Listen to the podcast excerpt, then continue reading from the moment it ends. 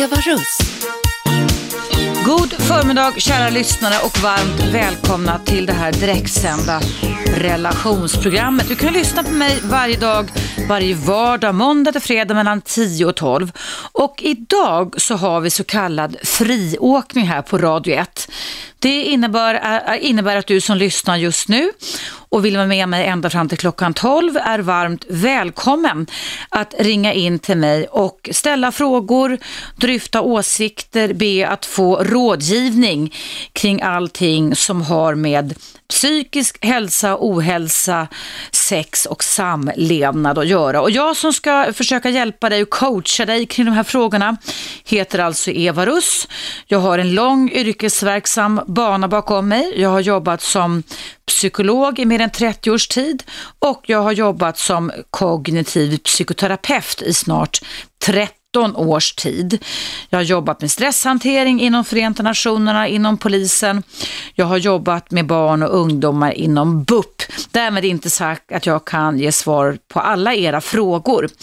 Eh, jag vill också betona det då att när du ringer in till mig så behöver du absolut inte uppge ditt verkliga namn. Du kan vara hur anonym du vill, men det är alltid lite lättare för mig eftersom jag inte har någon eh, bild av vem jag pratar med. Att du tar ett namn bara så att jag kan prata med dig med det namnet du, du uppger istället för att bara säga du, du, du. Eh, och jag vill också påpeka det då när det är friåkning att jag eh, har absolut ingen funktion tyvärr att fungera som en psykakut. Det har hänt mig flera gånger här att det är flera av er som har ringt in och befinner er i en väldigt, väldigt akut kris där självmord kan upplevas och kännas som enda utvägen. Och då får jag i sådana fall be er att omedelbums vända er till närmaste psykiatriska akutmottagning. För jag kan tyvärr inte ta emot den typen av problem här på Radio 1. När det är friåkning på Radio 1 och jag heter Eva Russ så börjar jag alltid med den här signaturen. Ögonöppnaren med Eva Russ. Mm. Det, jag ska prata idag om hur inre bilder och föreställningar kan hjälpa oss att lära. Det är faktiskt så att det är ungefär mellan tummen och pekfingret sisådär två miljoner år sedan som våran hjärna byggdes om. Och då skildes framför allt våra eh, hjärnor ifrån de andra däggdjuren eftersom vi fick en förmåga installerad i våran panna, frontalloberna, pannloben, nämligen den att vi började kunna föreställa oss saker och ting. Vi kunde föreställa oss framtiden och vi kunde minnas dåtiden. Och den här föreställningsförmågan har i mångt och mycket blivit en oerhörd tillgång för oss människor samtidigt som den emellanåt kan bli ett väldigt stort gissel för oss eftersom vi kan ligga nätterna igenom och oroas för hur morgondagen kommer att bli, eh, om jag har pengar så att det räcker till mat, om jag har råd att åka på semester, om grannen har finare bil än mig, om min partner verkligen kommer älska mig lika mycket forever och så vidare.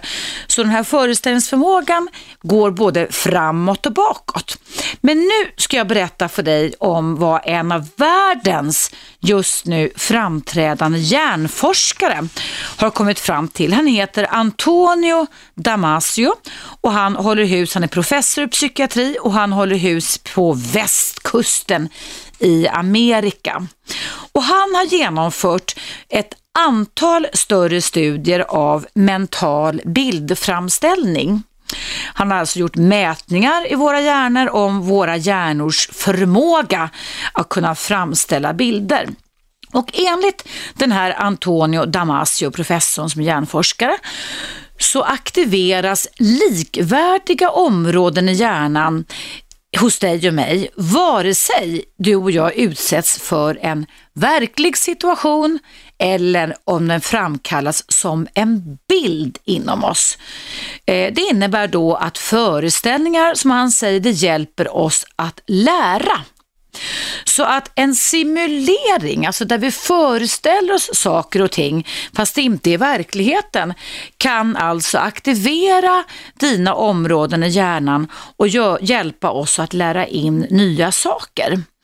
Och det är inte bara det att det eh, gör, gör oss en ny inlärning utan det också skapar en positiv förväntan inom oss och kan aktivera i, om man nu kan uttrycka det så, hjärnans hårddisk, att en nyfikenhet aktiveras.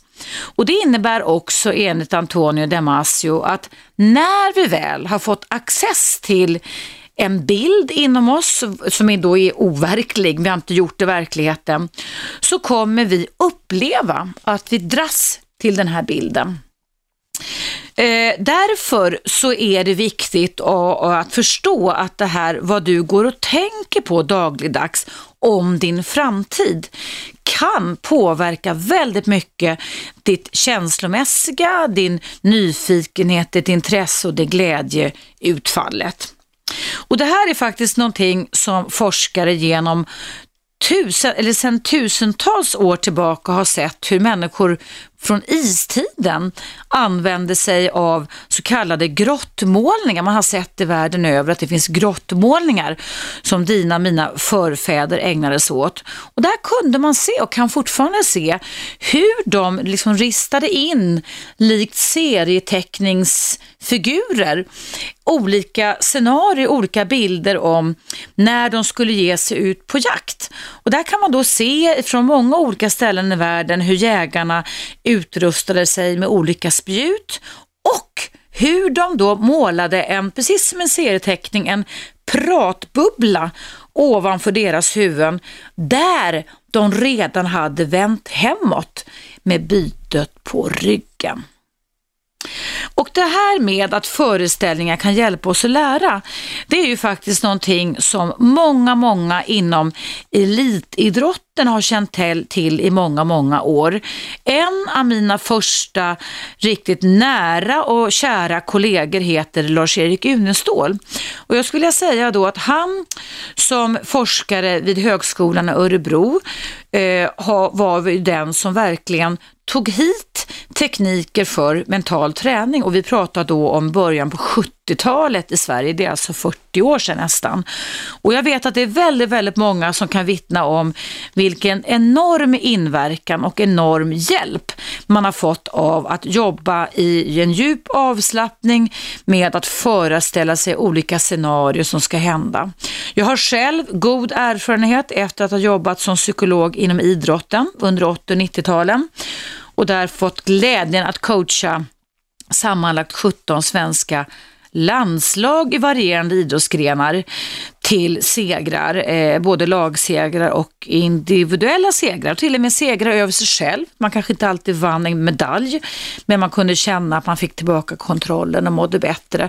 Och där har det faktiskt också varit så att just bilder och bildframställning har varit en oerhört viktig ingrediens i att kunna optimera framgång. Då hade vi inte tillgång till de här studierna om mental bildframställning utan då förankrade man forskningen på eh, andra variabler och empirisk erfarenhet. Alltså vi visste att det fungerade när vi jobbade med mental träning, att vi föreställde oss vad som skulle komma, komma hända. Idag kan man titta in i hjärnan på ett helt annat sätt. Så sammanfattningen av detta, denna ögonöppnare idag, det är då det att det det är viktigt att du ger akt på vad det är för framtidsbilder som dina pannlober och dina frontallober föreställer sig eftersom det innebär att du kommer dras emot det som du har förväntat dig. Ja, kära lyssnare, det var slutet på dagens ögonöppnare och ögonöppnaren har jag alltid när det är friåkning och det innebär alltså en vetenskaplig fördjupning som har med oss själva göra, psyket göra och relationer göra.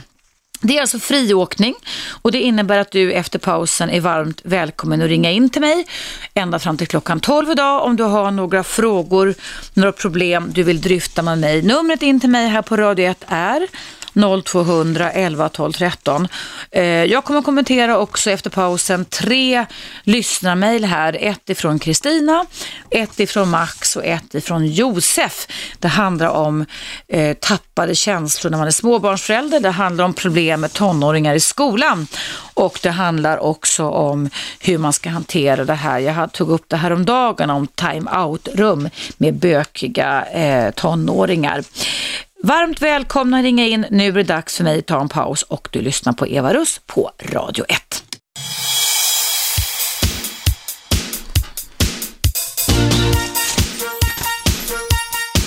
Radio 1. Eva Russ. Varmt välkomna tillbaka. Idag så pratar vi om friåkning här kring relationer, sex och samlevnad och även psykisk ohälsa. Eh, Lennart, våran trogna lyssnare, ringde in och eh, ska se om jag sparade dig. Hallå Lennart! Ja, hallå! Ja, lite, ko lite kort om dina betraktelser kring psykisk ohälsa och vård, för det är det du ville prata med mig om. Ja. Jag tror det, det berör ju oss alla, mm. från yngre till äldre. Och det har ju framkommit också i undersökningar att folk är ju villiga att betala skatt om sjukvård, sjukvården håller en mycket hög standard. Mm. Och tyvärr så blir man ju be, betryckt, alltså man känner sig orolig idag när man hör om eh, katastrofen inom vården. Mm. För på grund av personalens eh, eh, utsatthet att eh, de har svårt att tillgodose kvaliteten på grund av brist på sängplatser och mm. omvårdnad utav olika slag. Och det gäller även den eh, kroppsliga vården och sen eh, så att säga omhändertagandet utav de äldre inom eh, så kallade äldreomsorgen. Va? Mm. Och det skapar ju, tror jag, oro hos människor. För, Självklart. Och för att jag har läst intervjuer med yngre människor att de är oroliga för vad händer om jag kommer till sjukhuset. Det tog ju en av dina kollegor upp här. Eh, hon heter, eh, jag tappar namn här, det är inte Kim utan en yngre kvinna. Cissi Wallin. Vad sa du? Cissi Wallin. Ja, Cissi Wallin tog jag upp det också. Vad hände henne? För hon tog upp som ett exempel när hon var inlagd på Södersjukhuset. Mm. Men kan vi prata om vad du ville prata om kring det här med livskvalitet alltså, och ja, oro? Livskvaliteten är viktig om oro. Om man folk ska gå, bli oroliga här för, mm. här för hur de ska klara sin pension mm. och allting. Det läser jag. Och oro har med föreställningsförmågan också. Jag vet inte om du hörde min ögonöppnare Lennart, men det har ju också med att vi skapar oro inom oss som kan aktivera olika typer av tillstånd. Du, jag läser mm. ju Dagens Nyheter, jag prenumererar mm. på den tidningen va. Och de senaste åren så har det varit eh, frågeställningar till en yngre och medelålders människor. Hur kommer din pension bli? Kommer du klara Hur ser du på framtiden? Mm. Det hör man ju ständigt här. Det är ju framtidsperspektivet som mm. skjuts fram genom skola och utbildning och allting och, eh, och man får arbete och man får sjukhusvård. Det, tycker, det skapar en ångest hos folk va. Sen tycker jag man känner en press hela tiden, vet du vad det är? Det är det, det här talet om diskriminering hela tiden. Mm. Det läggs ett jävla ok på svenska folket. Jag mm. tror svenska folket är rätt hyggligt och öppet folk som är villiga att hjälpa andra mm. människor i utsatta situationer. Va? Det är också, tycker jag, ett, ett, ett, ett moment som gör att man mm. känner ett obehag alltså. Ja, det där är ju, vi leder ju, alltså det är ett gissel för oss och för oss människor att vi kan gå och oroas, oroas så väldigt, väldigt mycket. Det har ju verkligen med den här nya föreställningsförmågan att göra. Och där tycker jag då att det, även om vi matas nu med, som du sa i pausen till mig Lennart, det här att det här nya Karolinska sjukhuset eh, kommer att ha 246 mindre platser, ja. så är det ändå inte någon signal, det vill jag vädja till alla er som tänker på det, att oroa er, därför att oro skapar en orolig framtidsförväntning förväntan. Ja, ja, och det gör oss bara sjukare och sjukare vi kan sova sämre på natten. Ja. Du vet att ordföranden i Stockholms läkarförbund mm. gick ut för en tid sedan och eh, belyste det här. Mm. Och så och han, han eller hon? orolig. Mm. Det går inte han ut bara för att han ska ha någonting att säga. Va? Nej. Utan det gör ju han på, på, som, som yrkesmänniska prof, i sin profession. Va? Ja. Och det påverkar ju oss en var alla va? Mm. människor. Va? Eh, att man kan känna, för du vet, du, du brukar ju citera den här gubben Sokrates va? Mm. Och då tänkte jag på Aristoteles han sa att varje människa en, ska ju vara en politisk varelse. Va? Mm. Det är viktigt, va? för annars blir det idioti menade han på om man ställer sig utanför. Va? Mm. Därifrån där epitetet kommer. vet du. Mm. Men alla har vi en viss ångest som vi bär inom oss. Va? Och det är bra att höra på ditt program för då kan man ju kanalisera den här ångesten. Mm. hur, varför och hur, eller hur och varför? Va? Jag tror att det viktigaste just nu i alla fall, för att summera detta Lennart, det är ju det att vara medveten om att framtidsförväntningar kan skapa, det kan bli placebo, att jag botar mig själv, det kan bli nocebo, att jag eh, skapar problem för mig själv. Och då är det viktigt att ta en dag i sänder, men framförallt tycker jag det är viktigt för livskvaliteten som du nämnde som nyckelord Lennart, ja. att se till att vi behåller hälsan och är måna om att sköta om vår hälsa så mycket som det går. Ja, varje plåga har sitt eget skrivblock. Eller hur, eller hur. Du Lennart, jag måste gå vidare här med några lyssnare. Tack snälla Lennart för ditt samtal idag. Det är friåkning här på Radio 1 och jag ska nu läsa upp som jag lovade ett um, lyssnarmail för er. Eh, dels så handlar det då om, det är från Kristina som har mejlat mig som igår lyssnade på mitt eh, program som handlade om HVB-hemmen som det gestaltades i ett reportage i TV4s Kalla fakta där man hade skapat ett time-out-rum åt bråkiga barn som blev intagna på barnhem 0 till 16 år. Och då skriver, jag kan inte läsa upp alltihopa Kristina, men det står så här, tankar, tankar om time-out-rum med mera. Eh, lyssna på det, lyssnade idag 11 mars på ditt program, skriver Kristina. Blev berörd av hur barnen behandlas men också av en annan anledning. Ville gärna dela med mig mina erfarenheter och tankar. Jag har i många år arbetat i en särskild undervisningsgrupp på en grundskola. Eh, ett i stort sett mycket spännande och givande arbete med underbara elever och många solskenshistorier. Men det är inte alltid så harmoniskt. Genom åren har jag och mina kollegor fått ta hand om barn som varit oerhört aggressiva och utagerande, både verbalt och motoriskt, av kända eller okända anledningar. Vi har fått många slag med eller utan tillhyggen, sparkar, bett och fått ta hand om dagliga utbrott. Andra lärare och elever har också råkat ut för denna aggressivitet. Många har blivit rädda och ängsliga för att vara i närheten av denna ilska. Jag har ibland, skriver Kristina till mig, när det varit som värst, önskat att vi hade ett rum utan saker eller inredning som kan skada eller tas sönder. Där jag eller någon av mina kollegor i lugn och ro kunde ta hand om ett barn som i sin aggressivitet befaras skada andra och framförallt sig själv. Där jag tillsammans med barnet väntar ut utbrottet genom att finnas där som en lugn och trygg klippa. Tala lugnande, krama om, trösta eller bara vara tysta tillsammans. Eller låta barnet skrika ut sin frustration. Där skulle barnet slippa nyfikna blickar och nedsättande kommentarer från andra när det som minst behöver eller förtjänar det. Dessutom skulle det vara lättare att skydda sig själv. Men, skriver Kristina, att kalla det ett time-out-rum och att använda det som ett straff har alltså inte varit min tanke.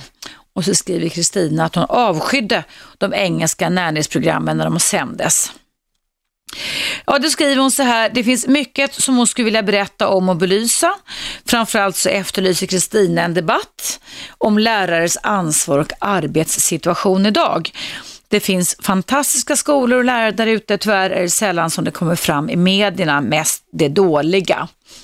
Tack Kristina. Och då kan jag bara kommentera ditt lyssnarmail idag, nämligen den då att vi ska ju klart för oss att när barn, oavsett hur gamla de är, blir sådär utagerande och aggressiva, så har de drabbats av någonting som de inte pallar med.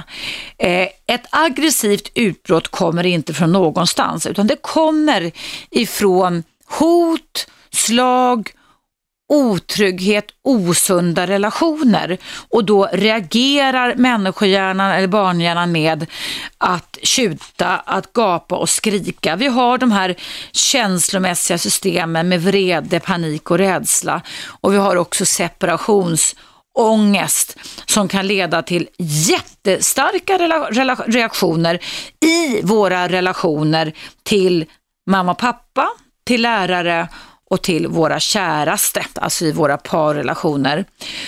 Eh, det är barn som har ont, det är barn som har jätteont i själen som använder sig av tillhyggen och sparkar och slår.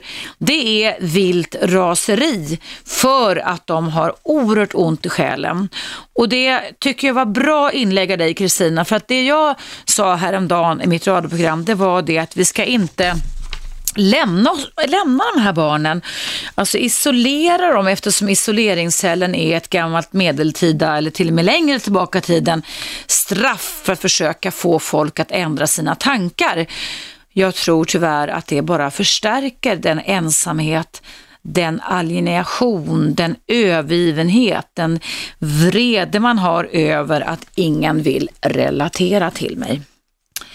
Slut på min kommentar. Tack så jättemycket Kristina och jag kan säga till dig som lyssnar att eftersom det är friåkning kring relationer, samlevnad och eh, psykisk hälsa eller ohälsa idag så är du varmt välkommen att ringa in till mig 0200 numret 11 12 13 ända fram till klockan 12. Men du kan också göra som många väljer att göra som Kristina gjorde här. Mejla till mig och eh, då är mejladressen eva radio1 snabel gmail.com. Jag ska kommentera ett annat lyssnarmail här efter pausen. Det handlar om en småbarnsfamilj med barn på fem och ett halvt och två år där känslorna har verkar ha kallnat vad man kan göra åt det. Så vill du höra mina kommentarer kring det så rekommenderar jag dig att stanna kvar. Jag ser att det ringer här också. Kära du som ringer, lägg inte på. Jag kommer ta ditt samtal i pausen på Radio 1 som kommer här.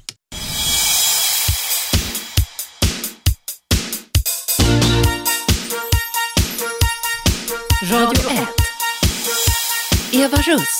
Hej och välkomna tillbaka. Det är friåkning kring relationer, samlevnad alltså och även psykisk ohälsa. Och jag lovade läsa upp några lyssnarmail. Ett handlade om eh, tappa lusten när man är småbarnsförälder. Det tar jag lite senare eftersom jag är här till klockan 12 idag. Och nu tänkte jag prata om tonårsbeteende. Jag fick ett mejl ifrån Max som handlade om en 17-årig pojke som har ramlat ur ramen. Och precis när jag skulle läsa upp det så ringde Max in till mig. Hallå Max! Har du lagt på nu? Nej men, aj, aj, aj. Ja, då läser jag upp mejlet då så länge. Det står så här.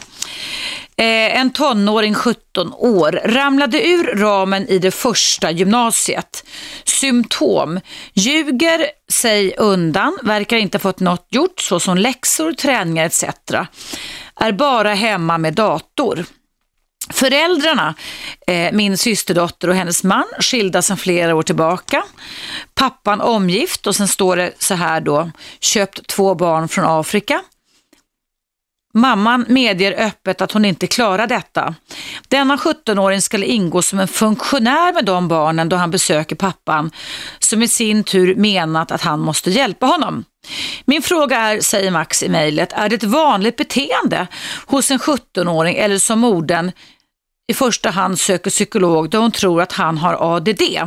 Och ADD är förkortning för Attention Deficit Disorder, alltså det är en kan man säga koncentrationsstörning. Eller ännu värre bipolär, som han fått medicin för men svarade med att bli manisk. Eh, jag tror de skulle behöva en kontakt med en person som är intresserad av detta, vilket jag inte tycker det hörs som BUP är, då det tagit flera månader att ens meddela svaret på den undersökning om just ADD man har gjort. Eh, pojken är väldigt smal, säger att han vill börja med någon aktivitet men kommer inte igång. Allt blir bara citat, jag ska, men inget mera. Frågan är då från Max, är detta sjukligt? Och sen skriver du så här, du får gärna svara med att rekommendera någon annan, men helst skulle jag vilja att de fick träffa dig, då du är den enda person jag hört som är logisk. En stor eloge till dig, hälsningar Max. Eh, ja, då kan jag säga tack för mejlet. Det var synd att du försvann på telefonen Max, men då är det så här att jag eh, tackar för ert förtroende, men jag har inga möjlighet denna vår att ta emot några av er lyssnare. Jag är fullknökad ska jag säga. Det värmer att ni vill ha rådgivning av mig. Men jag gör så gott jag kan här i radion istället. Och jag satt och funderade lite på det här tonårsbeteende. För det första, det här är mina reflektioner kring en 17-årig pojke. För det första så befinner han sig i en känslig ålder där självförtroendet och självkänslan är inne i en slutspurt där det är viktigt att han känner att han kan något och lyckas. Då kan ett, om man nu kan kalla det så, ett första misslyckande, där man då som du skriver i mejlet, att man ramlar ur ramen, leda till att man känner sig lite knäckt, att man drar en, liksom en, slags, en slags lott kring sig själv, en nitlott och tycker att där var jag ganska kass. Eh, det är ju så att en, ett barn eller en tonåring kämpar ju liksom hela tiden mot vuxenheten, mot att få den här, jag är någon, jag betyder något, jag är värdefull. Och om man både kanske upplever en form av misslyckande i skolan. Det är inte ett dugg ovanligt att man börjar gymnasiet. Det hände mig också på en gång i tiden. Jag började på naturvetenskaplig linje och fattade ingenting så jag fick sluta med det och börja på en annan linje. Men jag blev inte knäckt av det, men en del kan bli det när man är inne i en känslig ålder. Men om det dessutom finns andra triggers, alltså andra stressorer som du skriver här i mejlet. Att pappan är omgift och har skaffat två adoptivbarn och att 17-åringen plötsligt då ska vara funktionär för sina nya adoptivsyskon där han besöker sin pappa och att pappa menar att pojken ska liksom bli en vuxen snabbt och hjälpa sina nya syskon. Så kan jag tänka mig, då är det ju en ny situation där också det kan förstärkas för 17-åringen, hans föreställning om sig själv hur mycket är jag älskbar? Alltså hur, mycket, hur pass värdefull är jag? Så att det sker en förändring både i skollivet och i privatlivet, i familjelivet. Det är två ganska stora förändringar som kan leda till att han gör någon form av tanke kring hur, hur ser jag ut och hur ska jag leva mitt liv. Och när en 17-åring blir sådär passiv, som du beskriver i mejlet, alltså kommer, igång, kommer inte igång, sitter och hänger, kollar på dator och sådana saker och inte gör någonting utan bara säger jag ska. I och för sig är det ganska typiskt att 17, 16-åringar, 18-åringar säger så så tycker inte jag, jag tycker att det är ganska hemskt att man direkt dimper ner i dessa bokstavsdiagnoskombinationer. Jag tycker att det är sjukt att vi idag har fått en sån överbetoning på att vi måste utgå ifrån att när det sker en förändring, framförallt då i en tonårings liv, då är det en bokstavskombination. Eh, ADD brukar inte dyka upp sådär. Det är inte så att man, utan det brukar finnas ofta som en röd tråd. Att man har koncentrationsproblem, inte bara i gymnasiet utan även i låg och mellanstadiet. Så det är inte liksom en bakterie som flyger på en, utan det är någonting som har funnits, som man har, lärare inte minst har kunnat lägga märke till. Och när det gäller bipolär, alltså att den här gossen skulle vara manodepressiv, alltså manisk, det innebär att man kör igång, gång, gång, gång, helt upp i varv och sen att man blir deprimerad. Ja, det kan inte jag uttala mig om utan att jag har träffat honom, men jag tror att, eller jag vet att tonåringar är väldigt sköra och sårbara. Och just de här tankarna kring min egen älskbarhet och min egen duglighet och värde när man upplever misslyckanden och när man upplever att ens föräldrar förändrar rollen till en själv där man då får konkurrens av två nya syskon. Det spelar ingen roll om du hade tiosyskon eller inte. Eh, kan ju leda till att man går in i en depressivt tillstånd. Och depression, det här behöver inte vara en egentlig depression där en 17-åring måste äta psykofarmaka. Men depressiva drag, det finns ju en enklare form som heter förstämningssyndrom, alltså dystemi, att man är dystymisk. I och för sig ska man ha varit under en längre period. Det kommer inte heller sådär ett nafs, men alla kan ha lite dystemi någon gång i livet som inte behöver ha någon alltså, psykiatrisk eller någon medicinsk behandling. Men det innebär då att man är dyster, en dysterkvist. Och det innefattar framför allt när vi pratar om depressiva och dystyma tankar, att man har en negativ förväntan på sig själv, andra och framtiden. Och jag tycker att det låter som att den här tonårsgossen har ramlat in i det. Det är inte ett dugg ovanligt, men man ska se upp med det. För att vad han verkligen behöver, det är någon som tillför eh, medicinen kan man säga nästan, att han är värdefull och att han är älskbar och att han är duglig. Och då ska man vara lite försiktig med tonåringar, för å ena sidan Det finns ju ett roligt begrepp där som jag tror Judy Garland, filmskådespelerskan nu, nu död sedan länge, sa eh, om tonårsperioden, att man är too old for boys and too young for toys. Att man alltså var för gammal för pojkar eller flickor, men för, och, med, eh, för, gammal, för ung för det, men för gammal för leksaker. Och ibland kan det vara så, och det vet många tonårsföräldrar, att det är väldigt, väldigt sårbart hur man ska behandla sina tonåringar. Ena stunden så ska de vara stora och starka och vara som vi vuxna och nästa stund så kan det vara pendla mellan att vara lite barn. Och där får man nog ha lite fingertoppskänsla och jag tror att den här gossen på 17 år faktiskt skulle behöva få lite barnbehandling. Att han skulle behöva, istället för att sätta en diagnos, alltså utsluta med det larvet tycker jag. Det, det är, alltså, vi har gått till för mycket bokstavsdiagnostänkande tycker jag. Så är det här en beteendeförändring. Han har misslyckats en gång och han prövat nytt gymnasium igen. Han känner sig misslyckad. Hans syn är förmodligen att han är kass.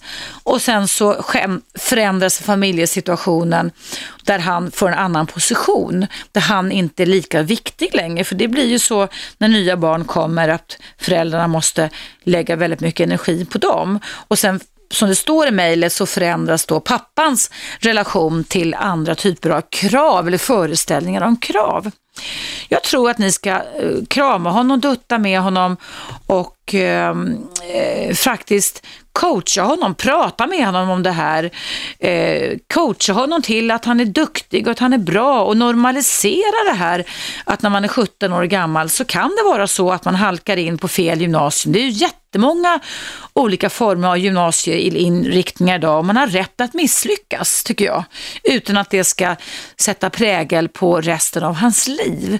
Och jag tycker ni ska coacha honom med att det här är just nu, men det här kommer att gå över och att ni vill försöka hjälpa honom fråga honom vad han behöver just nu istället för att sätta, utgå från diagnoser. För att när, och det gäller inte bara en tonåring, det gäller barn och oss vuxna, när man en, vi ändrar vår sinnesstämning så finns det alltid inom oss någon typ av riskbedömning. Alltså vi har gjort någon, det är någon prompting event heter det, någon utlösande situation, vare sig den är i tanken och är verklig eller i, i, i tanken eller verklig, så leder det till att vi blixtsnabbt gör någon form av bedömning eller värdering. Hur ska jag förhålla mig till det här? Ska jag kämpa? Ska jag fly eller spela död? Och fly eller spela död kan ha med depressiva drag att göra som man sen utvecklar till sinnesstämningar som kan bli det här dystomi, nedstämdhet och som sen kan häfta fast vid olika typer av antaganden hos en ung person. Eh, jag är inte så värdefull, jag är kass, jag är oälskbar och så vidare. Och då blir ju beteendena passiva. Så jag tycker att ni ska börja göra den här pojken viktig igen och jag tror att ni ska skippa, jag skulle i alla fall börja där, börja jobba på relationen. Relationen till honom och relationen inom honom själv så att han liksom får bygga upp sin självförtroende och självkänsla igen. Sen kan eventuellt ta upp det här med BUP, men vi ska inte börja tänka bokstavsdiagnoser. Det har blivit en över... Tro på det. Det är mitt budskap till dig Max. Du ringde in och jag förlorade dig där, men du får höra av dig igen om det inte funkar med detta. Ja, det är friåkning idag kring relationer. Jag heter Eva Rust. Du kan ringa in till mig. Numret är 0200 11 12 13. Jag kommer efter pausen läsa upp ett mejl om en desperat man med två småbarn där fruns känslor har svalnat. Det är Josef som har mejlat mig. Så vill ni höra min, mina råd till honom så är ni varmt välkomna att stanna kvar. Men du kan också ringa mig i pausen och numret är alltså 0200 11 12 13.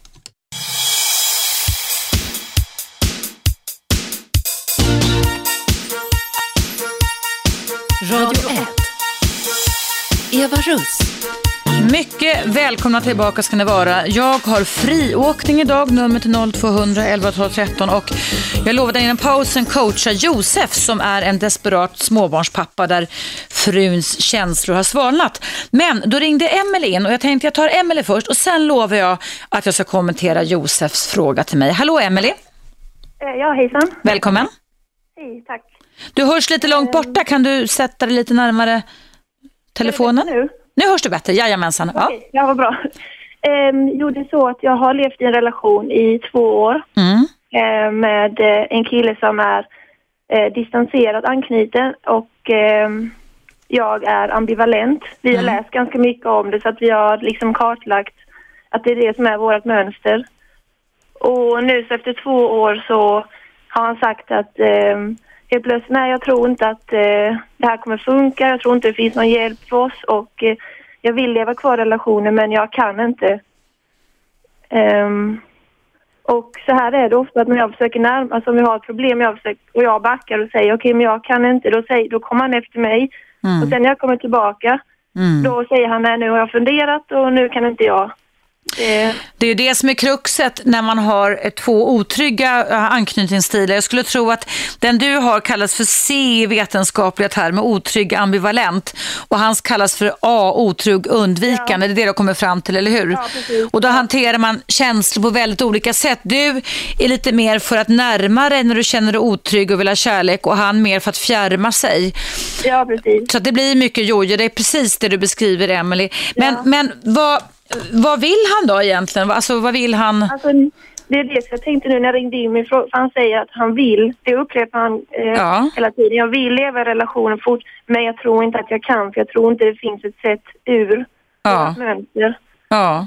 Ehm, ja, det finns ju massor med sätt skulle jag vilja säga därför att man tror ju att cirka 40 procent av befolkningen i västvärlden har otrygga anknytningsmönster. Det är det som gör att vi blir färgrika, att vi fungerar på olika sätt, vi har olika personligheter helt enkelt.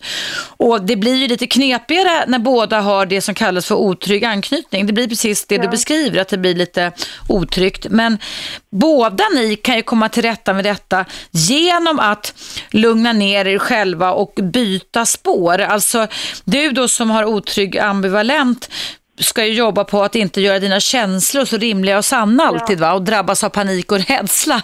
Ja. Och, och han, din kille, han ska ju jobba på att inte processa så mycket verbalt för det är ju det som får honom att dra sig undan. Ja. Utan han ska ju jobba mer på att försöka känna något istället, istället för att hålla på med Ja, verbala blir processer. väldigt, eh, Vad sa du? rationell. Han blir väldigt rationell ofta. Ja, exakt. Det är klassiskt. Och, Mm, det är klassiskt. Nu går tillbaka och tittar på allt som har varit. Jag vill vara tillsammans med dig men nu tittar vi på... Ja, alltså, Nej, han ska sitta och känna efter. Han ska börja mata sig själv med alla känslor och fina stunder som du och han har haft tillsammans istället för att låta förnuftet sabotera alltihopa. Ja, okej. Ja, det där känner jag igen. Det är exakt så. Eh, jag skrev ju en bok, eh, det, tyvärr, jag tror man bara kan låna den på biblioteket nu. Den heter Varför väljer jag alltid fel partner? Den kom ut 2006 och den tar upp det här där det finns mycket övningar för er, era respektive anknytningsmönster. Eh, sen så har Egil Linge kommit ut med Hemligheten, den första boken Hemligheten, väldigt bra, som också handlar om det här där man kan få övningar. Men ett sätt ni skulle kunna göra om ni skulle önska, jag vet det är givetvis en kostnadsfråga, det är ju då att gå tillsammans i terapi och försöka få lite hjälp med det här, vad, vilka övningar ni kan göra för att försöka. Vi har gått en gång, men Ja. efter det, det är då han har så här backat och nej nu, nu, jag vet inte och Nej. om det hjälper och ja. Ja, det är ju knepigt det där när det blir på det sättet. Hur gamla är ni, Emily? 23, 24. Ja. Ehm, alltså vad han behöver göra det är att han behöver, när han drar sig undan, alltså man brukar säga att otryggt ambivalenta, alltså C-anknutna, hä- kläng, klänger sig gärna fast och hänger fast lite mycket när man känner sig rädd. Medan de som Ja. tillhör din pojkes anknytningsmönster fjärmar sig och distanserar sig istället. Ja, och egentligen så är själva lösningen till att ni ska få ihop det i någon relation, det är att ni båda gör tvärtom utifrån era respektive anknytningsmönster. Att ni övar er på, så här gör jag när jag känner mig rädd och osäker, men då ska jag göra så här istället. Alltså stanna kvar istället för att gå. Och när du känner dig rädd och kanske blir lite överdriven i dina känslor, då ska du ta och lugna ner dig och inte bli desperat. Eller vad det nu blir. Det finns ju olika schatteringar kring detta ändå va? Nej, men det känner jag igen att jag blir väldigt så här, då kan jag bli väldigt klängig istället medan han backar ännu mer då. Mm. Ja, Ja, så det, ja. blir, det, det, är en, det, det är nästan den knepigaste relationen man kan få, men den går att komma till rätta med. Och jag tycker ni är så pass unga har liksom läst på. Så det handlar mer om att öva, tycker jag, kring det här. Ja. Ja. Och att inte göra, du ska inte göra dina känslor så rimliga och sanna och han ska inte göra sin logik så rimlig och sann. Nej. Förstår du? Det, pro, prova lite med det och ja. hälsa från mig eller be att ni lyssnar på det här i repris klockan 19 ikväll. För det går att komma till rätta med. Övning ger färdighet. Jag har jobbat med så många par genom åren som har haft, och det är inte så dugg konstigt att man har olika anknytningsmönster ja. när man träffas, men man kan komma till rätta med det och man kan lära sig att finputsa dem i alla fall, liksom, så att det blir bättre och mer ja. angenämt för båda parter. Ja, det känns skönt att höra i alla fall. Mm. Ge ja. inte upp utan pröva så får du höra av dig lite längre fram och berätta hur okay. det går, Emelie. Ja, tusen tack. Det var så lite så. Tack för att du lyssnade på mig. Hej då, hej. Eh, ja, det här med anknytningsmönster, det är ett gissel många gånger och det är ju då hur vi, alltså våra känslomässiga sätt att fungera på formas från vaggan till graven kan man säga. Och det brukar oftast ge sig till känna när man som vuxen, precis som Emily och hennes pojkvän som var 23-24 år gamla när vi ska gå in och alltså knyta an i vuxna kärleksrelationer. Det är då som det kan börja spöka lite. Det spökar inte alls på samma sätt i arbetslivet, men det är när kärleksfulla känslor ska levas som man kan då reagera på olika sätt. Ibland på väldigt mycket omedvetna sätt. Ja, hörrni, nu ska jag läsa upp det här mejlet ifrån Josef. Jag tänker om du sitter och väntar Josef så ska jag prata med dig nu. Det står så här. Um, Josef är gift och han har varit gift i fem och ett halvt år. Eh, ni har en dotter på fyra och ett halvt och en son på drygt två, så vi pratar alltså om småbarn. Eh, och sen skriver Josef så här. Vi har sedan dottern kom inte tagit tid, varken för oss själva eller för varandra, utan har haft fullt upp med att hålla näsan över vattnet med dottern och det praktiska med jobb, hus, mat med mera. I november, december förra året så berättade min fru att hon har träffat en annan. De sågs på en jobbresa och haft telefon och mejlkontakt. De har inte träffats alltså, sexuellt eller så, utan bara haft eh, mejlat och pratat. Min fru blev kär i den här mannen men kunde inte tänka sig att lämna barnen. I år i januari så sa hon till honom att hon inte klarar av att bolla två män och två barn just nu. För två veckor sedan så kontaktade den här mannen min fru och sa att han inte heller kan vänta på henne utan han kommer att satsa på sin familj, sina, sin fru och tre barn. Och då blev min fru väldigt ledsen över det. Sen fortsätter Josef så här. Vi har under den här tiden pratat väldigt mycket om vår situation. Vi är båda överens om att vi inte kan ha det som vi har haft det. Men sen går våra tankar åt olika håll. Jag, skriver Josef, tycker att det är helt galet att inte försöka få ihop oss igen. Vi vill båda vara med, med barnen. Hon älskar mig som kompis pappa och hon säger att jag är väldigt bra och att hon älskar mig. Men att hon vill ha mer än vad jag kan ge henne. Vet inte riktigt vad jag vill komma med det här, men jag tror att det hon vill är att komma åt en känsla av att vara nykär och att det ska vara så livet igenom. Eh, vi tycker båda att det här är vansinnigt jobbigt och jag tror att vi båda skulle behöva lite hjälp i det här. Eh, avslutningsvis skriver Josef så här.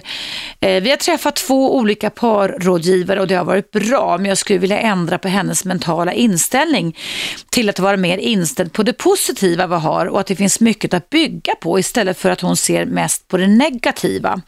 Jag känner mig väldigt desperat just nu och vill inte att vi ska ta det här steget just nu utan att vi försöker. Gör vi det och märker om ett år eller, år eller liknande att det inte blir bättre har vi i alla fall gjort så mycket vi har kunnat med vänlig hälsning Josef. Jag håller helt och hållet med dig Josef. Vi, Josef. Vi ska verkligen göra allt vad vi kan i våra parrelationer och särskilt och i synnerhet när det är små barn inblandade, men också i särskilt och synnerhet när det är tonårsbarn inblandade. Barn pallar inte relationer och separationer framför allt.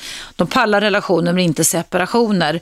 Separationer är av ondo för oss människor. Separationsskräck och separationsångest är någonting som kan prägla oss livet ut. Eh, jag ska ge dig och du som känner igen dig i Josefs dilemma mina synpunkter vad man ska göra när de här nykärhetskänslorna har försvunnit under småbarnstiden.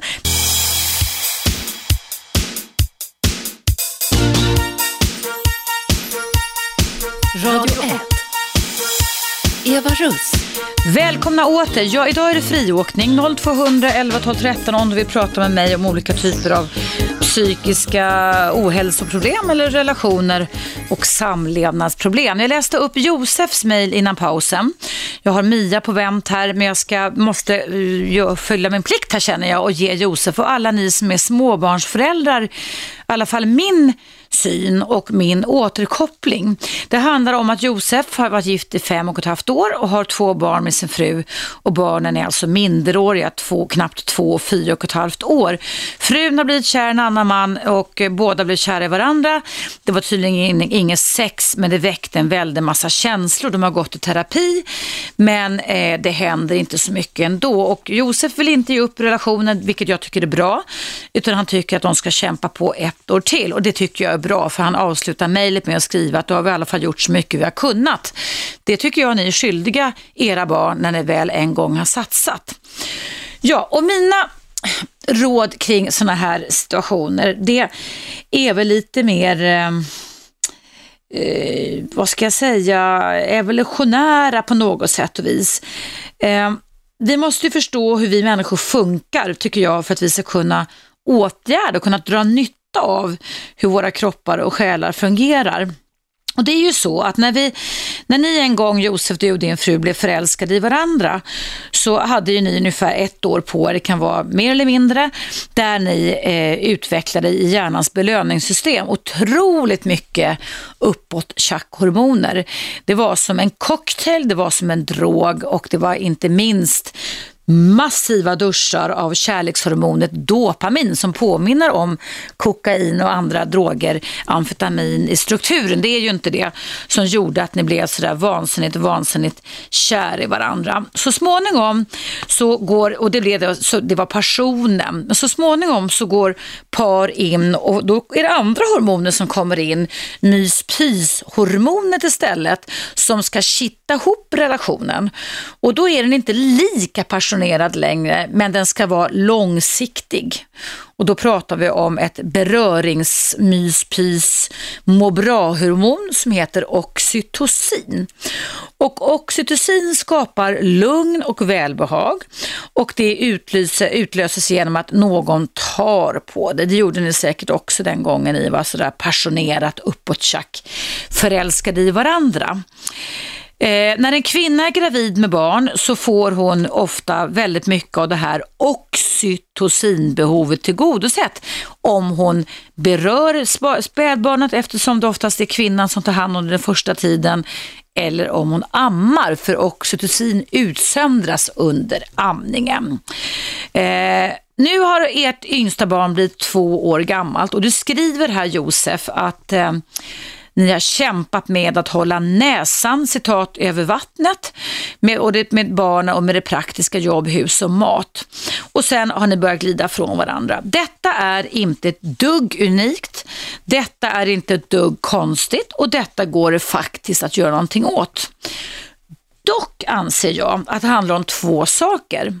För det första så behöver ni förstå båda två att ska ni leva långsiktigt med varandra så får ni lov att kavla upp arvarna. Men det är ju inte alltid så att det alltid kommer att aktivera exakt de uppåtkänslorna som den passionerade kärleken gav er när ni träffades.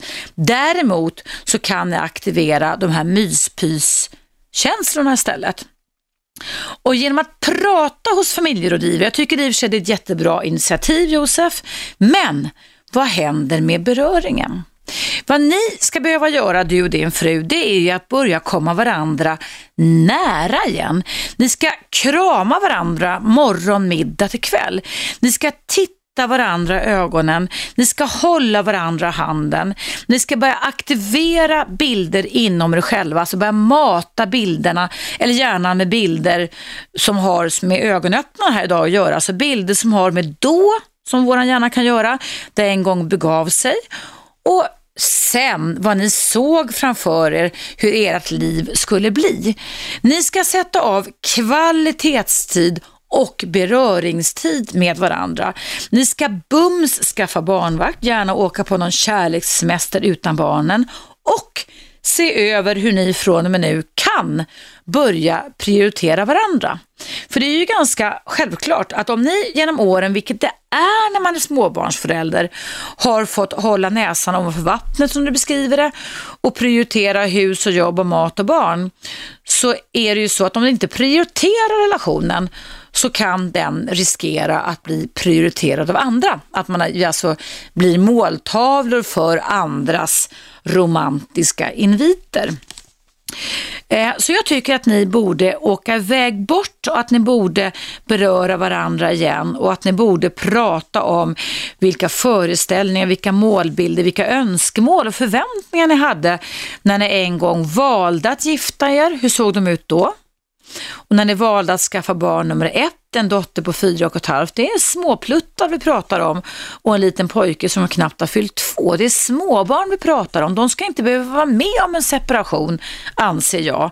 Om det var så att era val, partnerval, vilade på grunden att ni blir förälskade i varandra, att ni blev kära i varandra och att ni såg framför er att det var ni som var de perfekta partners, partnerna för varandra. ni måste också förstå det att en eh, relation kan inte vara ett enda stort belöningssystem jämt och ständigt. Men det är också viktigt, och det här skriver jag om i min kommande bok som kommer ut som heter Bullshit. Vi måste också förstå att vi inte heller får drabbas av panik när den här passionerade uppåttjack hormonerna uteblir.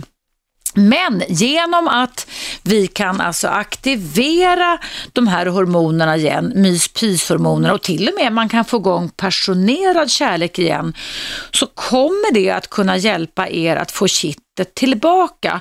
Jag kan berätta det nu, jag har berättat det många gånger i mitt program, att Sverige, svensk forskning har faktiskt varit, eller är och har varit ganska ledande inom relationsvärlden, speciellt med forskning på kärlekshormonet, myspyshormonet oxytocin. Det finns en professor emeritius, det heter så när man gått i pension, vid Uppsala Akademiska sjukhus, eller om det är Uppsala universitet tror jag jag tror att det är, Uppsala universitet som har gjort forskning på herr och fru sork, alltså pyttesmå däggdjur, men som verkar då ha vissa uppsättningar som råttfamiljer har som liknar våra. Där man då tillsatte sprutor, alltså man fick vaccination med oxytocin i och innan herr och fru sork fick det så var de totalt oromantiska. De var totalt ointresserade av varandra. De var överhuvudtaget inte attraherade av varandra. Men när forskarna tillsatte oxytocin sprutledes så satte det igång ett otroligt pusskalas och samlagskalas och de verkade, fast de inte pratar samma språk som oss, herr och fru Sorg, så verkade de otroligt kära i varandra och förälskade.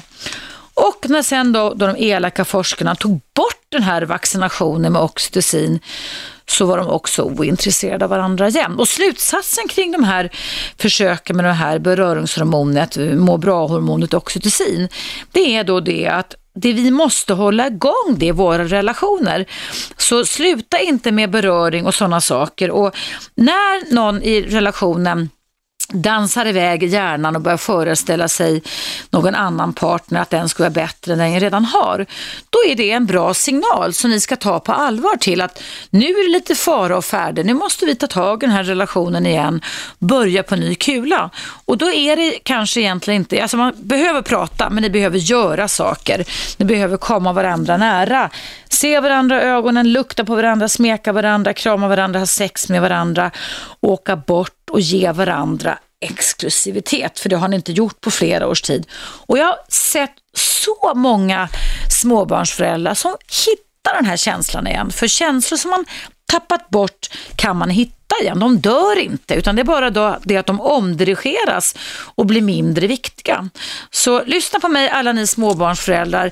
Ge inte upp, utan jobba på det själva. Och jag kan rekommendera en terapiform som jag har mött genom åren och som har mycket med känslor att göra. Den heter imagoterapi, imagoterapi. Och om du är nyfiken och tar reda på det så kan du googla på eh, imagoterapi i Sverige. Det finns imagoterapi.se och det finns Svenska Imagoterapiinstitutet och så vidare.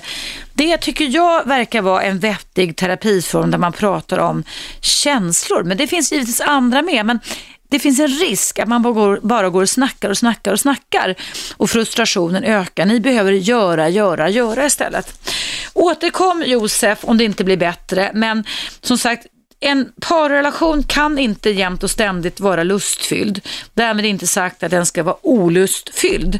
Men det går att hämta hem lekfullhet, kärlek, eh, åtrå igen och attraktion. Men då måste ni göra varandra viktiga igen. Annars finns det risk att andra gör er partner mer viktiga än du själv. Ja, det var mitt råd till Josef. Jag hoppas att du tycker att det kan hjälpa på något sätt. Eh, om du är nytillkommen lyssnare, du som lyssnar på mig just nu, jag heter Eva Russ och är relationsexpert här på Radio 1 varje måndag till fredag 10 till 12 och vill lyssna på det här programmet i repris så kan du alltså göra det klockan 19.00 igen här på Radio 1 på frekvensen 101,9. Nu däremot är det dags för en liten paus och efter pausen om du har tid att stanna kvar Mia så ska jag coacha dig kring din 17-åriga lillebror som har väldigt mycket protestbeteenden och beter sig väldigt provokativt just nu. Jag kommer prata med dig i pausen också också Mia, för du har väntat en stund här på mig. Men nu är det alltså dags för en liten paus. Vi hörs efter den och du lyssnar på Eva Russ på Radio 1.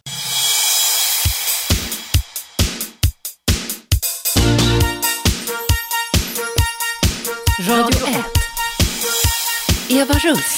Jajamensan och ni är mycket välkomna tillbaka. Det är friåkning kring relationer. Ni kan ringa in till mig på 0200 11, 12, 13 ända fram till klockan 12 idag eftersom det är direktsändning. Nu ska jag prata med Mia som har väntat en stund. Hallå Mia! Hej hej! Berätta, du hade ett bekymmer med din lillebror som är 17 år gammal som bor hemma hos dig. Mm. Han, eh, det, alltså det är ju en jättelång historia egentligen. Han, det går inget bra att bo hos mamma det går inget bra att bo hos eh, våran pappa då, för vi har samma pappa med mm. samma mamma. Mm. För att det är väldigt mycket gap och bråk och skrik och han har väldigt svårt att släppa och släppa sin uppväxt så att säga. Det som inte har varit bra, varken hemma eller i, i skolan. Vad sa du att han har svårt att släppa? Eh, det, det, som inte har varit bra. Ja. Alltså i skolan, han hade det väldigt jobbigt i skolan när han växte upp och blev illa behandlad. Och han, mm. Det har varit väldigt mycket bråk och, och, och stök hemma. Mm. Jag har försökt säga åt honom det. Dels så, så måste han liksom, visst han har rätt att vara arg och bitter och sur men han får inte låta det påverka hans liv idag. Mm. Försöker jag liksom mata honom med. Och sen så får han inte anklaga mig för det som har varit. Mm. För det gör han också. Så fort det är någonting så, ja men alla har sagt och alla har gjort. Och då har jag sagt, ja men jag är inte alla, jag är jag. Mm. För vi har inte vuxit upp ihop. Nej, du var, du var 16 år äldre än honom, någonting sånt där. Ja, precis. Mm. Så jag har ju vuxit upp med min mamma då. Och, och, han har ju vuxit upp med, sin, med våran pappa och sin mm. mamma då. Och mm. jag har ju liksom inte varit med under hans uppväxt. Jag menar, när han föddes när jag var 16-17, då var ju jag på väg ut i livet. Och jag ja. har ju gjort andra saker. Jag har ju varit iväg utomlands och sådär. Mm. Så jag har ju liksom inte varit med i det hela. Och nu sista veckorna som har varit så är det liksom tvärstopp. Det är som att springa in i en mur. Det får liksom, kommer inte, jag kommer inte igenom. Jag får honom inte att lyssna och han är väldigt respektlös det är, det är det som jag har störst problem med. Att om jag säger att jag vill vara i fred, jag vill ha lugn och ro, vi tar mm. den här mm. diskussionen sen när vi har mm. lugnat ner oss. Mm. Så släpper han inte. Utan han går efter mig i huset och han, jag får liksom inget, jag får inga andrum när jag kommer hem. Mm. Så att mm. mm. Vet du om det har hänt någonting? Finns det någon utlösande trigger, alltså utlösande situation i hans liv just nu? Nej, jag pratade med en god vän om det här och för tre, fyra veckor sedan. Han har ju, det har ju inte gått bra i skolan så han har ju hoppat av det med då. Ja. Tyvärr. Eh, men bet, bättre att hoppa av och försöka börja på något nytt än att, än att sitta och traggla med något mm. som man mår dåligt av. Mm. Och då började vi komma igång. Vi, vi kom till ett, eh, ett, ett ställe som heter Ungdomstorget hemma där vi bor då. Och mm. han började liksom bli påpushad. Vi började med körkortet som fyller 18 i sommar. Och han började liksom göra saker. Mm. Och då sa min goda vän att ja, han fick väl panik. Det gick ju faktiskt bra där en liten stund. Ja. Och det har jag också försökt säga. Man, får, man har bra dagar och man har dåliga dagar. Ja. Men vad är det som kan ha gjort att han har förändrat sitt beteende, tänker jag? Vad kan vara utlösande situationer, tror du? Vad vet du? Jag tror ju att en del kan ju vara det att han vill ju klara sig själv och bo i egen lägenhet. Men Ja. har ju liksom inte haft den möjligheten. Mm. Och då har jag liksom sagt åt honom att "Nej, men när du fyller 18 då kan du börja söka jobb som du inte kan söka nu. Och får du körkort så kan du, har du också större möjlighet att få jobb och flytta till din egen lägenhet. Så Ja. att när du har fyllt 18 då är det ju bara att du hittar en lägenhet och flyttar. Så jag vet inte om han börjar få den här paniken att det är ju faktiskt bara tre månader kvar tills han fyller 18. Mm, kan det mycket väl vara. Men du, det som är bekymmer, det du sa, om jag bara ska hänga med i de beteenden du, bes- du beskrev. Du sa så att han betedde sig respektlöst och att Alltså, för, för mig låter det som att han behöver dig på något sätt. Och när du, så att jag kan ha fel, men som jag uppfattar dig nu Mia, och när du då inte har tid med honom så går han efter dig och släpper inte taget om dig. Var det så du beskrev det eller? Nej men alltså jag har ju tid för honom och vi kan sitta, vi kan sitta och ha jättebra diskussioner. Ja. Vi kan sitta flera timmar och prata. Ja. Och sen är det, blir det någonting som gör att han blir arg och, och liksom, alltså det går upp i tonläget direkt. Mm. Det är liksom, han tänder på alla fyra och då säger jag att jag har ingen lust att diskutera när du bara skriker en massa saker, Mm. när du kallar mig en massa elaka saker. Då har inte jag lust att prata liksom. Då tar vi den här diskussionen Det förstår jag. Ja, det förstår jag. Och det, då, är, då är det som att han låser sig. Okej, och, det var- och vad gör han då, då 17-åringen? Eh, ja, alla fula ord du kan hitta, det, det är jag. Ja, Och jag är den mest värdelösa och sämsta människan som finns. ja, Och försöker jag då gå därifrån eller om jag ber honom gå ut ifrån köket till exempel, liksom, låt mig vara i fred, så vägrar han. Så Han står precis bredvid och liksom bara matar och skriker och matar och matar och matar och matar. Mm. Och till slut brister det för mig, så jag sjunker till exakt samma nivå som honom. mm, jag förstår det. Ja. Och jag är inte sån. Nej. Jag vill inte vara sån. Mm. Och då får jag liksom panik. Och nu har det varit alltså, två, tre kvällar liksom. Mm. Där jag liksom har försökt gått och lagt mig. För jag jobbar ju. Och jag har försökt förklara för honom. Men du måste ju ha respekt för jag behöver sova. Jag jobbar. Och liksom försökt gått och lagt mig vid tio och kom i säng vid halv två. Ja. Då har jag liksom lyckats mota bort honom. Eller då tycker Ja. han att då har han... Jag, jag, jag har en tanke kring det här Mia och det, det är det här att det behöver ju inte vara en verklig trigger som är utlökad, alltså han behöver inte bli konfronterad till något, något, något, något stimul av något slag utan det här kan ju handla om att han, precis som du är inne på själv, att han börjar bli skraj för både vuxenlivet och att han ska klara sig själv och där utveckla vrede och panik på något sätt, alltså in, inom sig själv, förstår du? Och om man sen då har en massa pålagor, din 17-åriga lillebror, och han har varit med om saker och ting som inte har varit så bra, så slår det ju ofta tyvärr på självkänslan och självbilden. Alltså det, det, det ska vara klart för oss att väldigt mycket skit som vi är med om när vi växer upp kan slå på det. Va? Och då, Ja, det, det kan jag säga att den, är- den är körd i botten. Och Ja, det förstår jag. va. Och då, och då sker det ju saker inom honom som leder till någon slags test gentemot dig. Du är säkert ställföreträdande, alltså du blir någon slags objekt för alla de vuxna som han upplever kan ha svikit honom eller inte förmått ge honom det han behövde. Förstår du? När han känner sig stressad. Mm. Och då, då, är det, då, då går han går igång och han ska förminska dig, det är försvarsmekanismer. Han håller igång och liksom beter sig jätteilla. Va?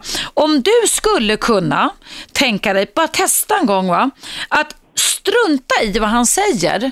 Alltså skit i det en, en gång, va? för det här är bara ordbajs mer eller mindre. va Och istället sänka rösten och säga till din lillebror, älskade du, vad är det du tänker eller känner, är vad det är du behöver just nu? Kan du berätta det för mig? Alltså prata om känslomässiga behov.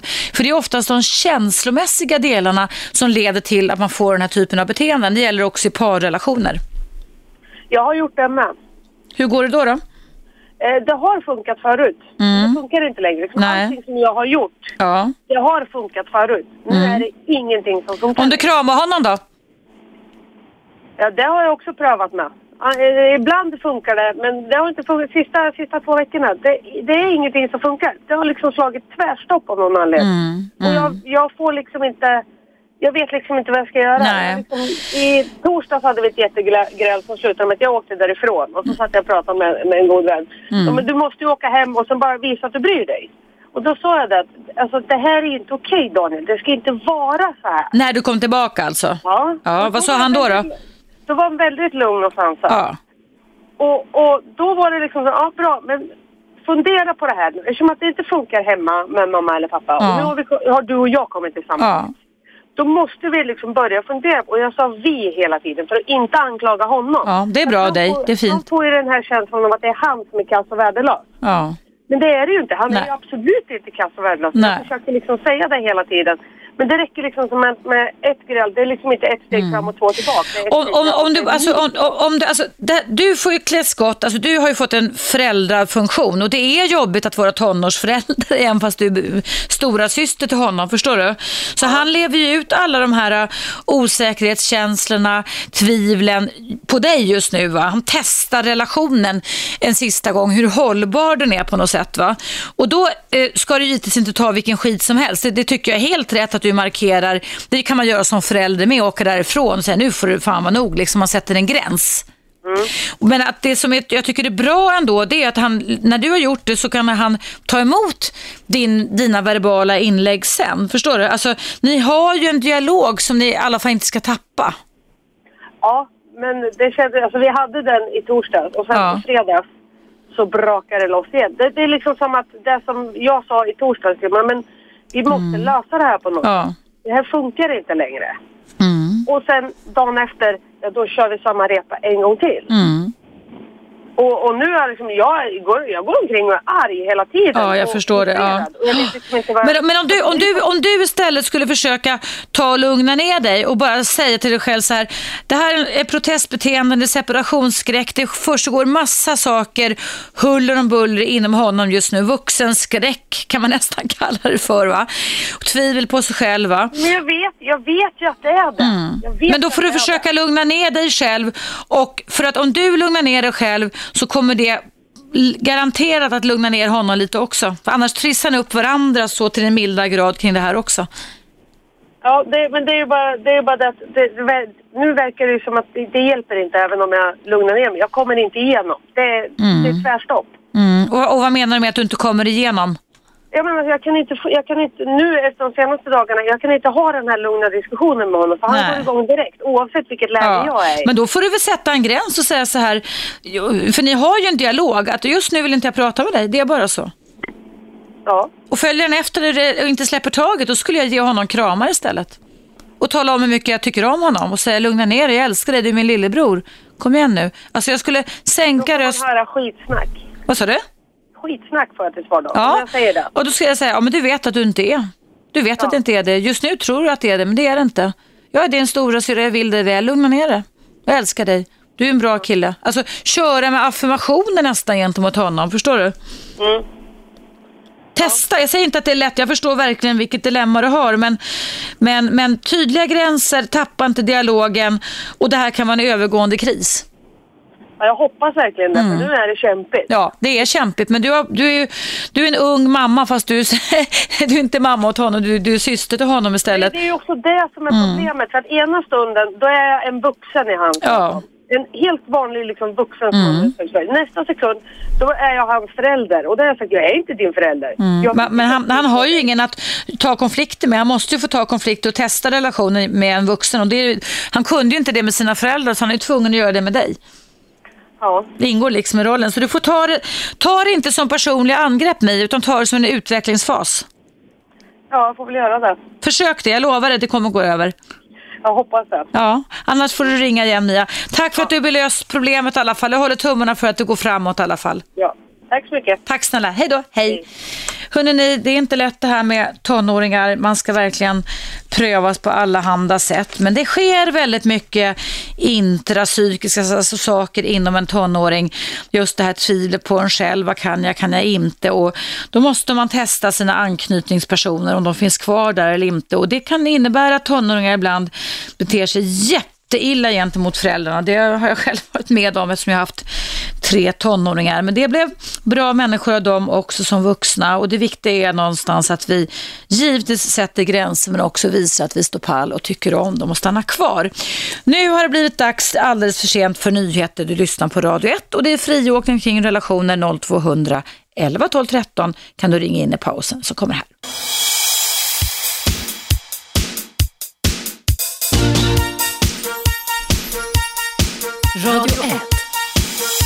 Eva Russ. Mm, välkomna tillbaka. Det är direktsändning som det alltid är här måndag till fredag när jag sitter här. Eller när vi alla sitter här rättare sagt. Alla programledarna på Radio 1. Och det är friåkning kring relationer. Det innebär att du som lyssnar ringer på 0200 11 12 13 eller gör som Lisa vars mejl jag ska läsa upp alldeles strax. Mejlar till mig. Mejladressen är eva radio 1 snabelagmail.com Och friåkning det är ett begrepp här på Radio 1 som innebär att eh, du kan ringa in till mig och ställa frågor eller få hjälp med saker som har med relationer att göra. Och ja, jag är psykolog och psykoterapeut med mer än 30 års yrkeserfarenhet. Jag kan inte allt, men jag kan ganska mycket. Lisa skriver så här. Hej Eva, tack för ett mycket bra program. Jag har ett problem som jag hoppas du kan råda mig i. Min pojkvän och jag förlovade oss i höstas och sedan dess har jag gång på gång försökt prata om bröllopet och gör försök att planera. Men han är som en vägg. Till saken hör att jag tills nyligen varit arbetssökande och därför har vi naturligtvis inte kunnat planera budget. Men, skriver Lisa, jag har ändå tyckt att det har varit viktigt att drömma och planera tillsammans. Nu har jag alltså fått ett jobb och börjar smått ta upp planerandet igen inför bröllopet då. Tyvärr verkar min kille bli stressad av samtalet varje gång. Det är som om att han känner att jag kräver för mycket av honom. Nu har vi kommit in i en ond cirkel där jag inte längre vet hur jag ska ta upp bröllopsplanerna. Jag är en drömmande karaktär och jag känner mig ledsen nu för tiden när jag känner att jag inte får lov att göra det med honom. Det kan tyckas, skriver Isa, som ett litet problem. Men vi är båda stressade fast på olika sätt. Och framförallt känner jag mig förvirrad. Ibland tvivlar jag på hela hans vilja att gifta sig med mig. Tacksam för någon sorts rådgivning, Lisa. Mm. Jag skulle tro att du som lyssnar nu kan känna igen dig för jag måste faktiskt gå tillbaka lite till könsskillnader. Det är säkert både opolitiskt och okorrekt men det är faktiskt så att det finns vissa saker som är skillnad mellan män och kvinnor. Och jag skulle nästan sätta min yrkestitel på att vi kvinnor i aningen större utsträckning än män har fångats i våran nya pannlob föreställningsvärld i fantasier om det här fantastiska bröllopet. Jag tror att det är 90% tjejer världen över som hänger sig sen när man är liten flicka i femårsåldern när man vill gifta sig med sin pappa. Enligt alla psykodynamiska teorier så går man och drömmer om det här och hur det nu blir så, varför det är så, det vet jag inte men jag tror att det bara är så. Sen eh, tror jag också att det kan också handla om eh, olika målbilder, hur man ser på saker och ting. Och jag kan mycket väl tänka mig Lisa att din pojkvän har varit, du skriver att ni är stressade båda två och stressad blir man inte utan av någon anledning. För att vi ska kunna reagera känslomässigt så måste det alltså finnas någon utlösande situation. Och stress det är ett svar på att här måste jag skärpa till mig, jag måste göra någonting. Och då har jag de här tre överlevnadsstrategin att kämpa, fly eller spela död. Jag skulle tro att Lisas kille flyr eller spelar död. Han undviker och det stressar då i sin tur Lisa ytterligare för då tror hon och tolkar att han är ointresserad. Jag tror att du Lisa och din pojkvän skulle behöva ha ett bra snack om vad är det ni ser framför er? Ni har nyligen förlovat er. Jag vet inte ens om ni pratade om takten på er gemensamma framtid då. Ehm, jag vet inte om ni har eh, pratat om vad ni såg när du var arbetslös. Ni såg förmodligen då att bröllopet var långt fram i tiden. Nu har du fått ett jobb Lisa och då ser du att det är närmare i framtiden. Men vad ser din kille? Så börja med att utforska varandras målbilder utan att värdera dem. Fråga så här, säg så här, det här ser jag och jag ser att det här skulle kunna vara realistiskt då och då därför att nu har min bla bla bla, min ekonomi och allting förändrats. Eh, och fråga honom vad han ser och vad han såg utan att ni blir osams när ni väl då förlovade er med varandra. Sen eh, ska vi också veta vad det gäller könsskillnader då, att eh, vi kvinnor kan ibland, och det är inte jag som har hittat på, så ni ska inte nacka mig så att säga om du inte gillar det jag säger just nu. Men det är faktiskt så att en amerikansk forskare som heter Marianne Legato, hon är professor i New York och hon har skrivit en bok om manliga och kvinnliga likheter och olikheter. Och vad hon hänför till likaså en annan relationsforskare i USA som heter John Gottman. Det är då, han har jobbat med någonting som heter Love Lab. Eh, det är då det att vi, män och kvinnor, kvinnor och män kan reagera och ha olika sätt att fungera på hur vi liksom hanterar att ta tur med framtida projekt. Där kan det ligga oss i fatet, både positivt och negativt oss kvinnor. Att vi då, eftersom vi någonstans för två miljoner år sedan var de som roddade med ungarna och skötte egna och andras ungar och lagade käket när mannen kom hem från jakten. Att vi kan ha aningen mer fler bollar i luften, vilket kan stressa vissa män. Att det blir för många projekt att ta tur med på en gång. Och de här båda forskarna, eh, John Gottman och Marianne Legato, de säger så här att om vi kvinnor ska kommunicera lite mer effektivt med våra män så kan vi ett tjäna på att sänka rösten, att inte uh, vara uppe för långt, alltså se till att inte vi är för, låter för stressade. För det kan lätt få igång mannens puls, hjärt-kärlsystem. Och två, det här är vad de säger, inte vad jag säger, jag läste här, det är att kanske då fokusera på en grej med mannen. Inte, inte, det betyder inte att ni män är dumma eller korkade, men det här är vad de säger som forskare. Att låta mannen ta ställning till en grej i taget och få suga på karameller och utforska lite, ungefär som de en gång gjorde på savannen jaktmöjligheten. Är det värt att lägga krutet på det här eller inte? För jag kan tänka mig att det finns en risk, Lisa, att du, som jag tror att många tjejer och kvinnor gör, du pratar om ringen och skorna och provningen och maten och frisyren och makeupen och allting.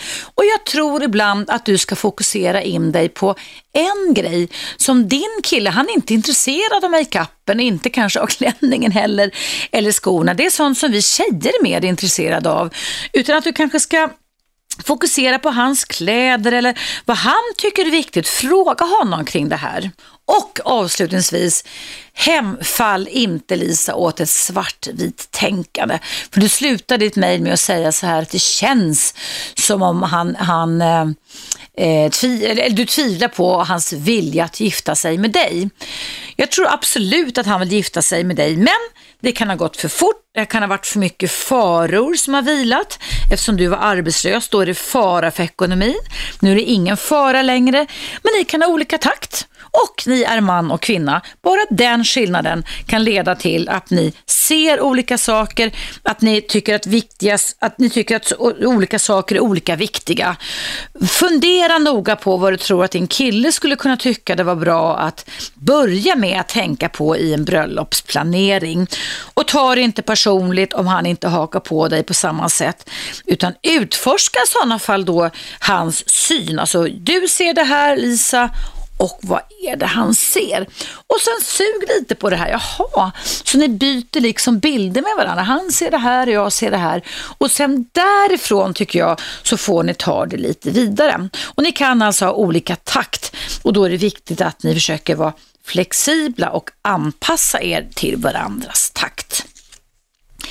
Slut på mitt råd till dig Lisa, därför att nu är det dags för en reklampaus här på Revarus.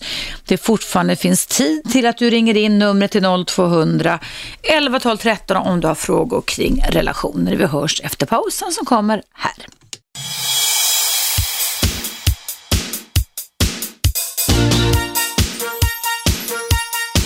Radio 1.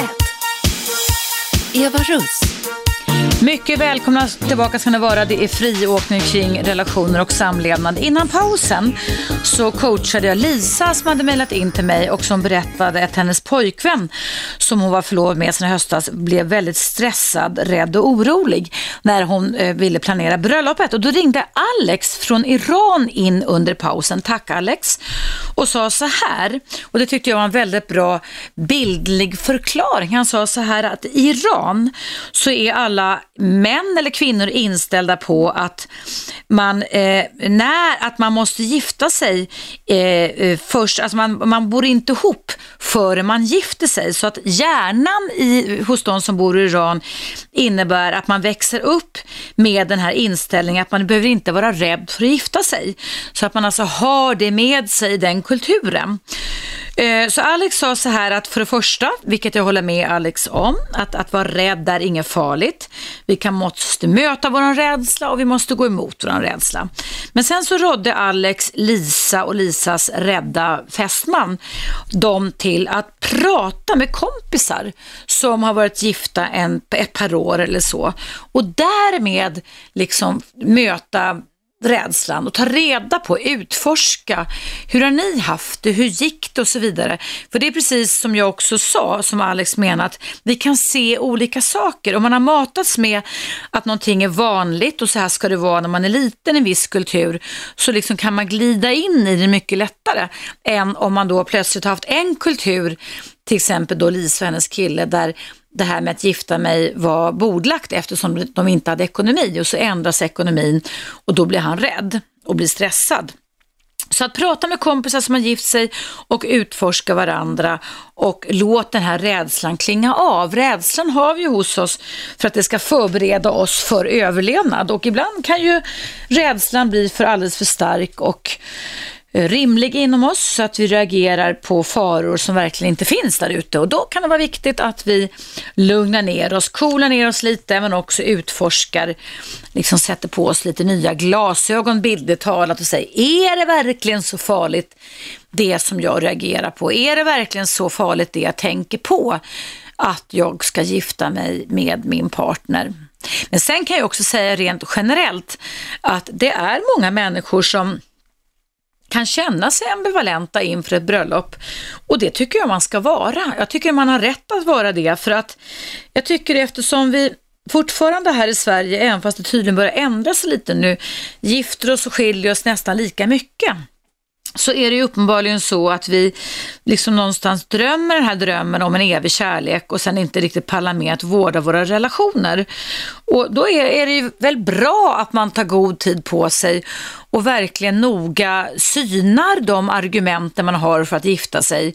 Så, man kan ju aldrig bli 100% säker, men så att man i alla fall är väldigt säker på att man har känt och lärt känna varandra så pass väl så att man kan stå där och lova varandra nöd och lust, att leva tillsammans i nöd och lust. Och att man är beredd på både medgång och motgång. Och att kämpa tycker jag är en bristvara i många relationer idag.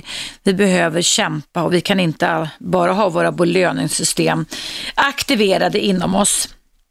Eh, personen går det snabbt över, men det är den här långsiktiga kärleken mellan två personer, vare sig det är hetero eller homosexuell kärlek, som i många studier ändå många anser gör livet värt att leva. Nu ska vi se om jag kan tala med den sista inringaren här. Nej, nu la du på. Ring en gång till, du som ringde nyss. 0200 11 12 13. Ibland är det så på växeln här på Radio 1 att samtalen försvinner. Um, nu ringer du igen, nu ska vi se om det var samma person. Hallå, vem är på tråden? Ja, hej, det är Hans. Tjena Hans, hej, du ringde mig igår också. Hur är läget ja. idag? Ja, idag är det bättre. Solen skiner. Fast det var ganska bra med dig igår med. Det var mer att du var orolig för din bekant som bosa, ja. hade bosatt sig någonstans i Årstaskogen ja. sa du till mig. Ja, med ett knarkgäng. Mm. Har du gjort någonting åt det där då? Nej, jag har, fortfarande så har jag liksom problem med min egen ork. Va? Men jag kommer att tänka på en grej. Ett förslag, det måste bedrivas lagvägen politiskt kanske. Men jag tycker vi som går frivilligt till RSMH då. Mm skulle ha möjlighet att kunna uh, förpassa alltså en som uppför sig väldigt konstigt till en slags eh, avsyning hos en psykiatriker. Vad menar du med avsyning? Ja, att man liksom ser om det går att göra något åt det alltså. Ja, men det- låter som att du har fastnat lite, ursäkta uttrycket, hos den här kvinnan. Du har pratat om henne i över ett år snart Hans. Vad är det som gör dig så engagerad i henne? Ja, hon är eh, väldigt ruckad alltså. Väldigt? Ruckad, hon är väldigt sjuk, störd. Ja. Hon passar ju, hon åker ut på varenda gård alltså, RSM-gård. Ja. Fullständigt missanpassad alltså. Det, Vad är det som tror att just du ska kunna hjälpa henne då? ja, jag tänkte att man då skulle kunna få genomdriva alltså det här med att man kunde få hjälp Mm. att få en uh, omhändertagande alltså Mm. Med milt våld om man Men har, har, har inte du, jag pratade, har ni inte försökt det på något sätt eller? Eh, Minns jag fel eller? Jag har, jag har ju fört upp ett, naturligtvis på medlemsmöten Ja. och allting sånt där. Jag har suttit Ja. i styrelsen men det finns ingen lagutrymme efter det har jag fått höra. Mhm. Det där är klickar alltså. Ja. Det är Flera som blir ju tokiga på honom. Ja. Hon och jag går ganska bra ihop och någon kille, ett par killar till. Va? Är Mm. Så du har liksom en relation som gör att du vill fortsätta att ge henne omtanke och omvårdnad kan man säga. Ja. Det är fint av dig. Mm. Som, det det är flera som är störda som stör hela, hela rörelsen om man säger. Mm. Inte bara hon va, men hon kanske hör till de absolut värsta. Alltså det finns, nu det här kanske låter jättekontroversiellt, vi måste avsluta här strax Hans, men alltså det, jag lärde mig under min psykologutbildning för 30 år sedan, eller mer än 30 år sedan, uttrycket det här, you can't win them all. Försöka. Jag vet, det har jag alltid gjort Hans, men jag kan bara säga det att du gör så gott du kan. Jag tycker det är fi, fint, fina initiativ av dig, men du, du vet ju inte ens var den här kvinnan finns någonstans längre. Ja, hon springer runt i Årstaskogarna med knarkgäng. Ja. Ja. Och det går inte att sätta polisen på att hämta henne, det går inte att sätta missing people eller? Nej. Ja, med sin people möjligen. Polisen har ju inget utrymme, det finns inget lagutrymme. Jag har ju ringt polisen. Mm. Ja. Det, kommer ingen vart med det heller.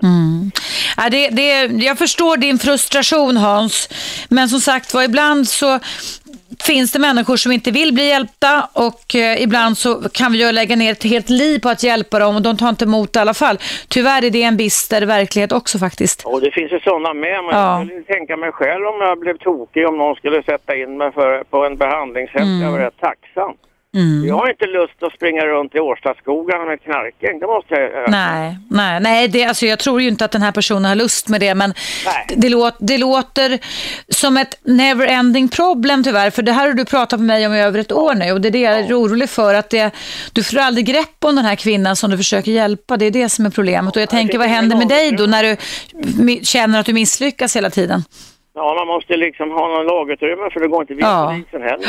Och jag, kan, jag, jag är inte uppdaterad, jag är ganska ringrostig på det här med lagutrymme, men, men jag tycker om dina strävanden Hans, det måste jag verkligen säga. Jag tycker det är fantastiskt din människoomtanke och människokärlek, men ibland får man välja lite vad man lägger ner alltså en energin på liksom. och pengar och ju bakgrund alltså. Det är ingen, det är ingen dumskall i roten, det är ingen intelligensnolla. Man Nej men det har inte med, eh, alltså psykisk, psykiatriska sjukdomar och störningar har inte med intelligens att göra. Nej, inte det minsta.